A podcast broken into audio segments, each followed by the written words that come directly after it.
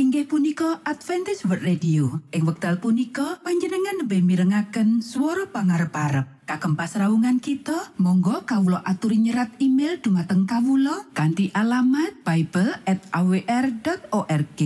utawi panjenengan uki saged layanan kalian Kawulo lumantar WhatsApp kanti nomor plus setunggal saged layanan kalian Kawulo kalh kalh sekawan kalh kalh kalh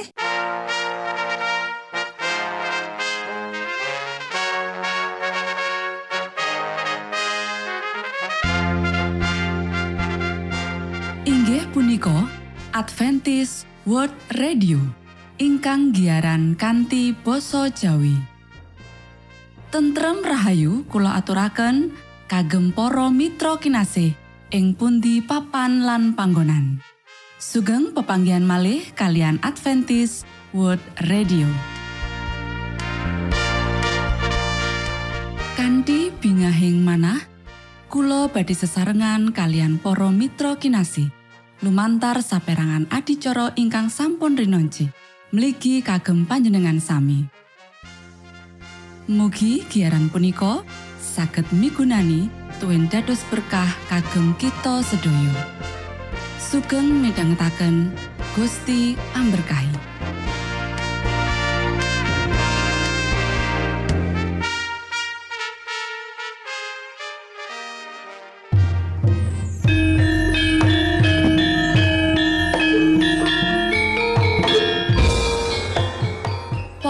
Para pamirsa kinasih ing Gusti Yesus Kristus. Ing wekdal punika kita badhe sesarengan ing adicara ruang kesehatan. Ingkang saestu migunani kagem panjenengan saha kita sami.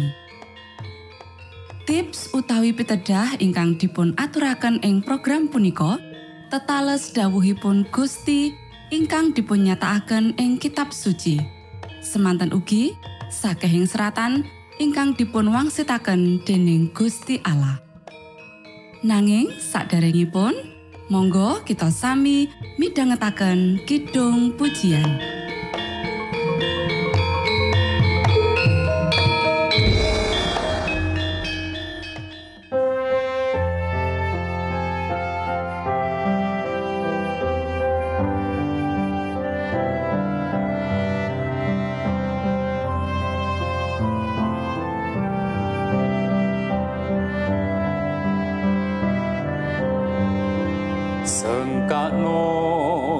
Gusti pranyata tumrap kang wis meh mati lan tumrap kang ngelak samya kapringan tirta sakti. Manah kang ngasor lan suci Gusti mirsa lan nampi kang samyo wuto ing driya antuk pandulu mukti sengkakno asmeng pamarto ing ajenging projalmi. Sinupre mratobat samyo dados wargane Gusti. Sengkakno Gusti pranyata juru wilujeng calmi. Mreh Gusti kapinanggih tumrap ingkang matosi.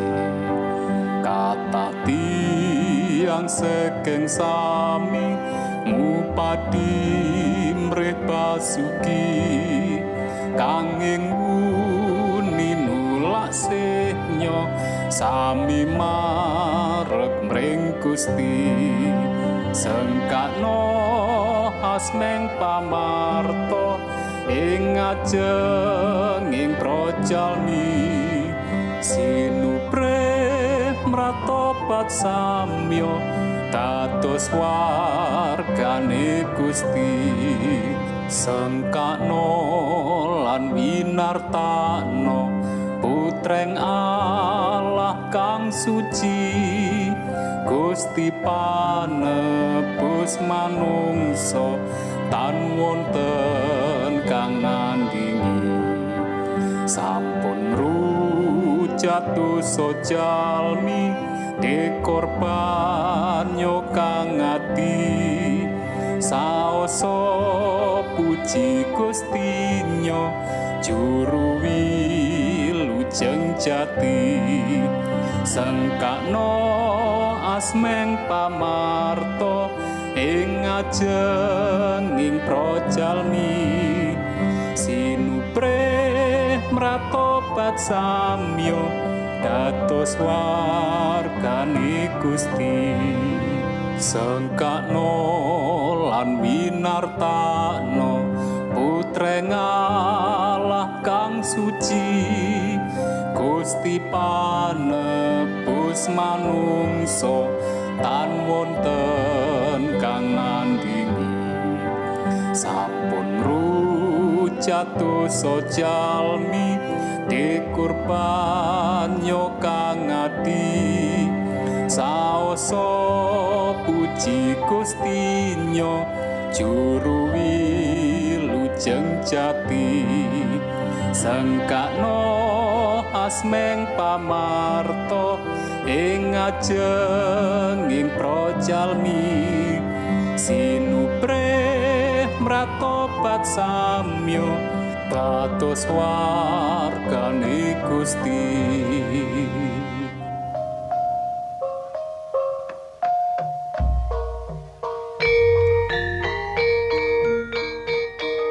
Para Mitra Sutrisno Puji syukur dumateng Gusti ingkang murbeng dumati ingkang sampun kepareng paring wewenngan kagem kita.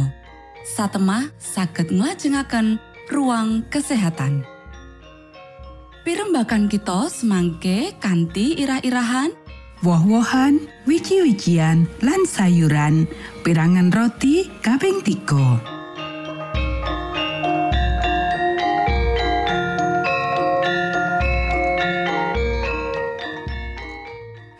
Dumateng para pamiarsa kakangsa putri ingkang dahat kinurmatan.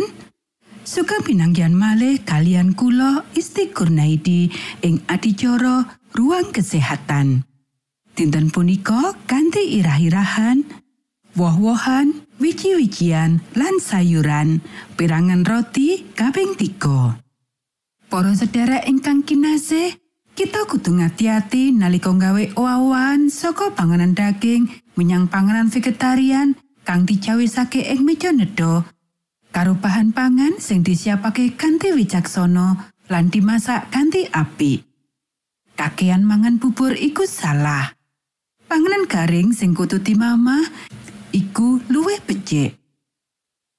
Nyediakake panganan sing nyehatake ing babagan iki minangka berkah.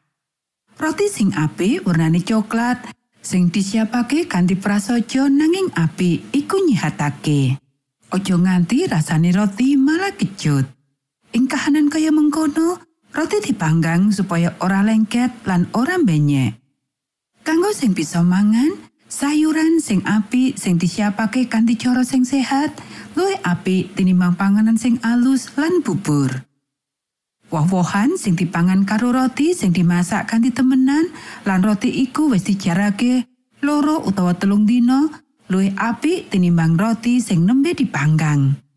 Roti iki bakal nyukupi kebutuhan awak sawise dimamah kanthi temenan. Roti panas sing digawe nganggo soda utawa biskuit panas lan panganan daging pancen ora cocok karo prinsip reformasi kesehatan.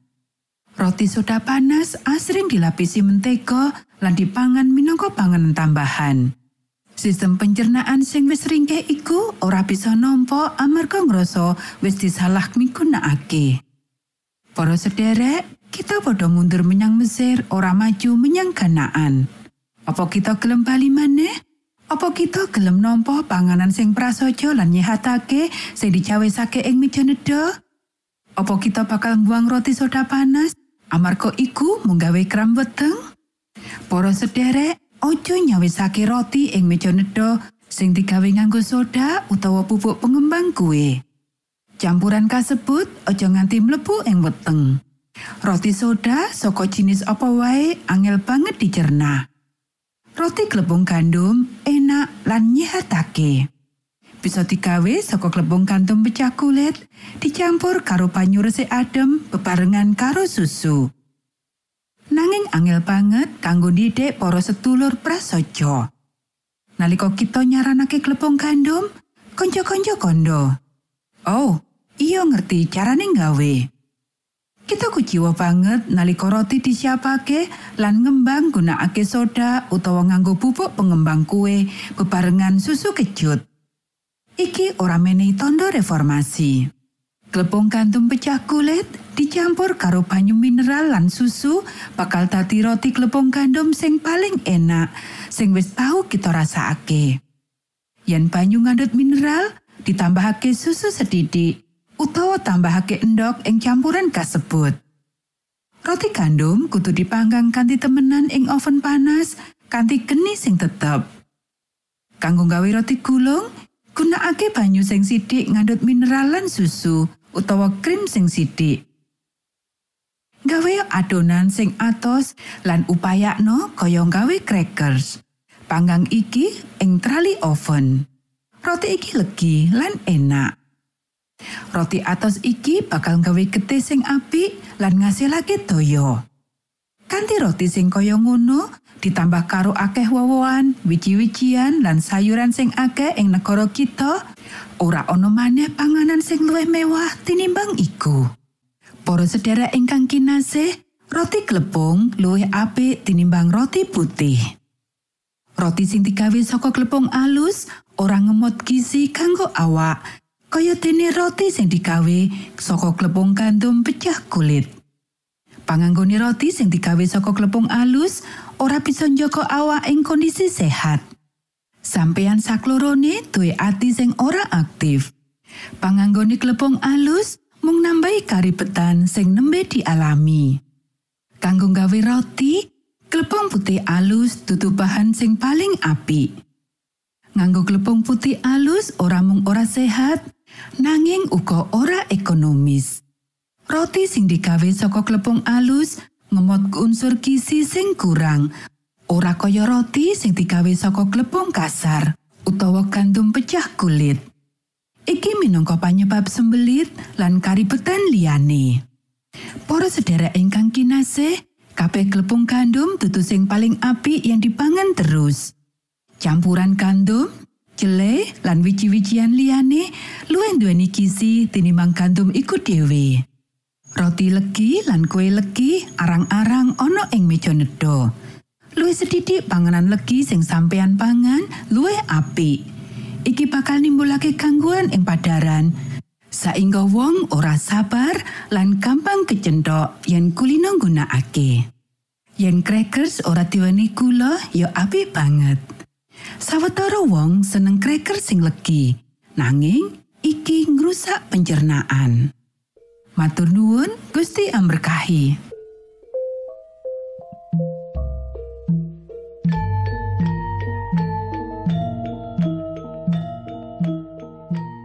Cekap semanten pimbakan ruang kesehatan ing episode dinten punika. Ugi sampun kuatos jalaran kita badhe pinanggih malih ing episode sak lajengipun.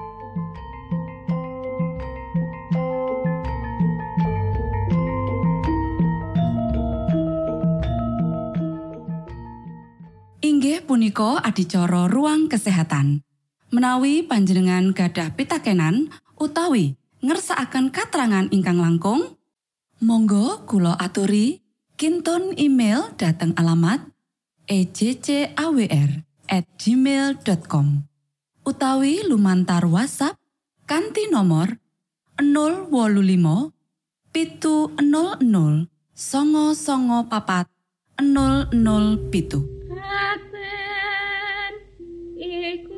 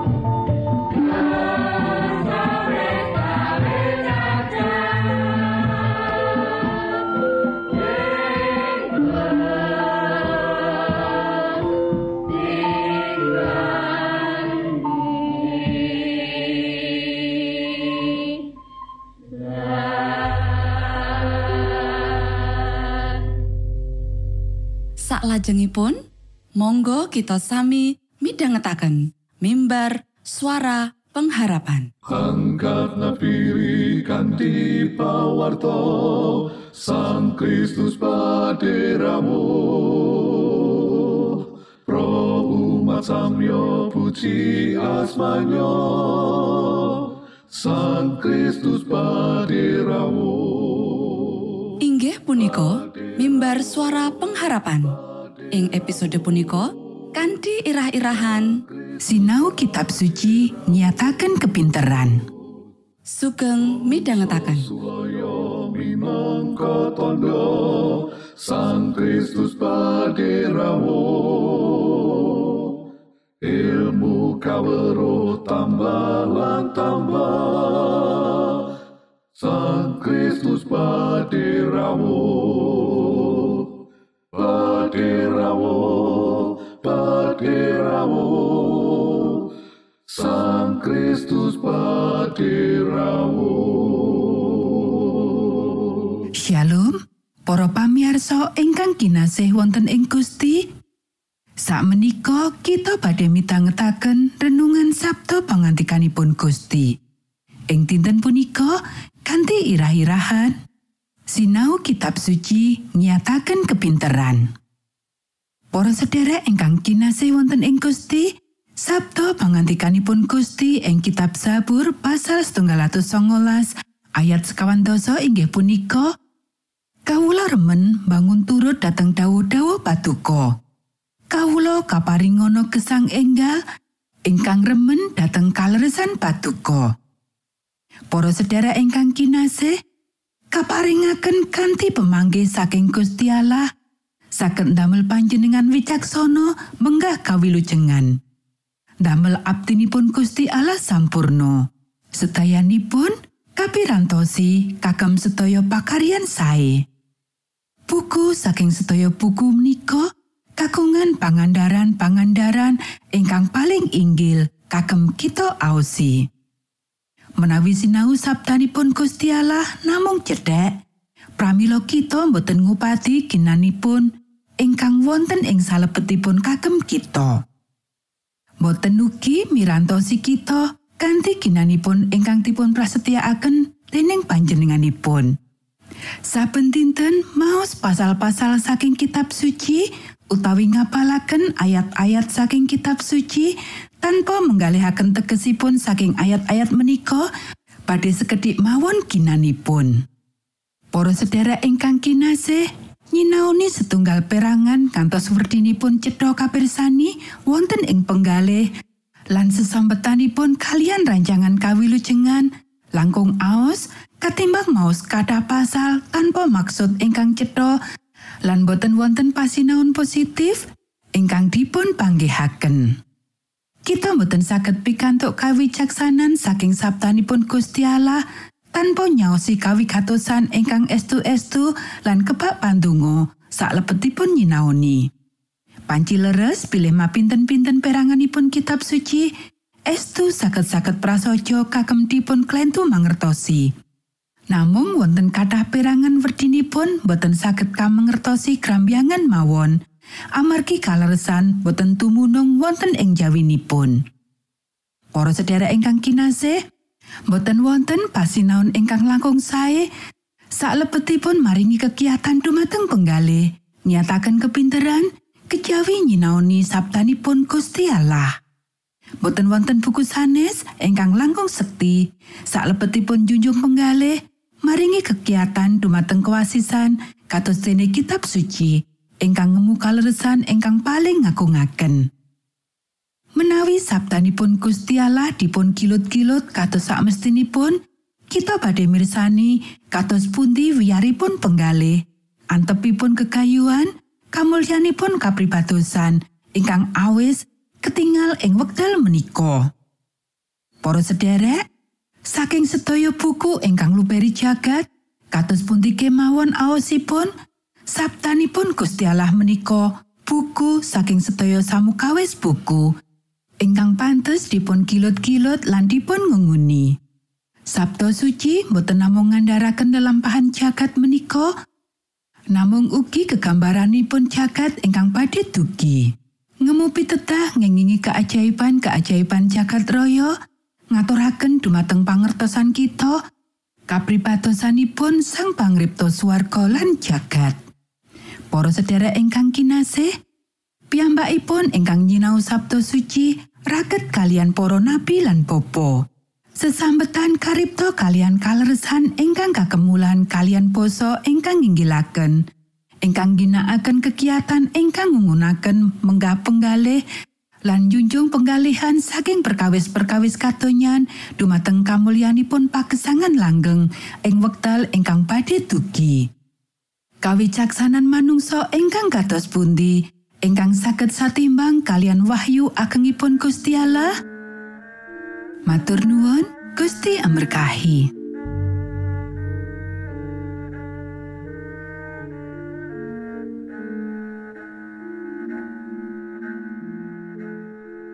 Para Mitra Sutrisno pamiarsa kinasih ing Gusti Yesus Kristus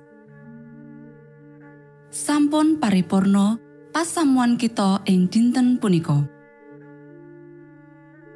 Menawi panjenengan gadah pitakenan utawi ngersaakan seri pelajaran Alkitab suara nubuatan Monggo Kulo aturi kintun email dateng alamat ejcawr gmail.com utawi lumantar WhatsApp kanti nomor 025 pitu 00 songo songo papat 0007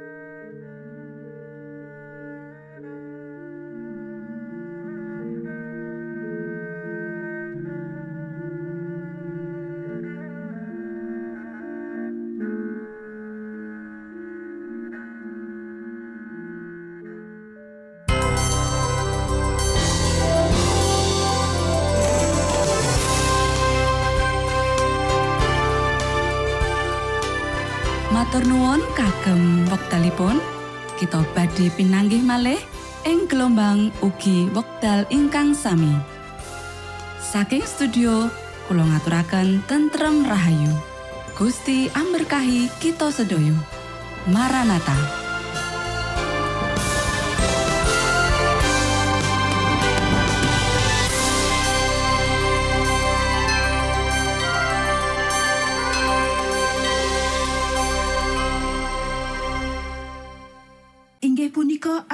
World Radio. Ing wekdal punika panjenengan lebih mirengaken swara pangarep-arep. Kagem pasraungan kita, monggo kawula aturi nyerat email dumateng kawula kanthi alamat bible@awr.org. Utawi panjenengan ugi saged layanan kalian kawula lumantar WhatsApp kanthi nomor plus setunggal saged layanan kalian kawula kalih kalih sekawan kalih kalih kalih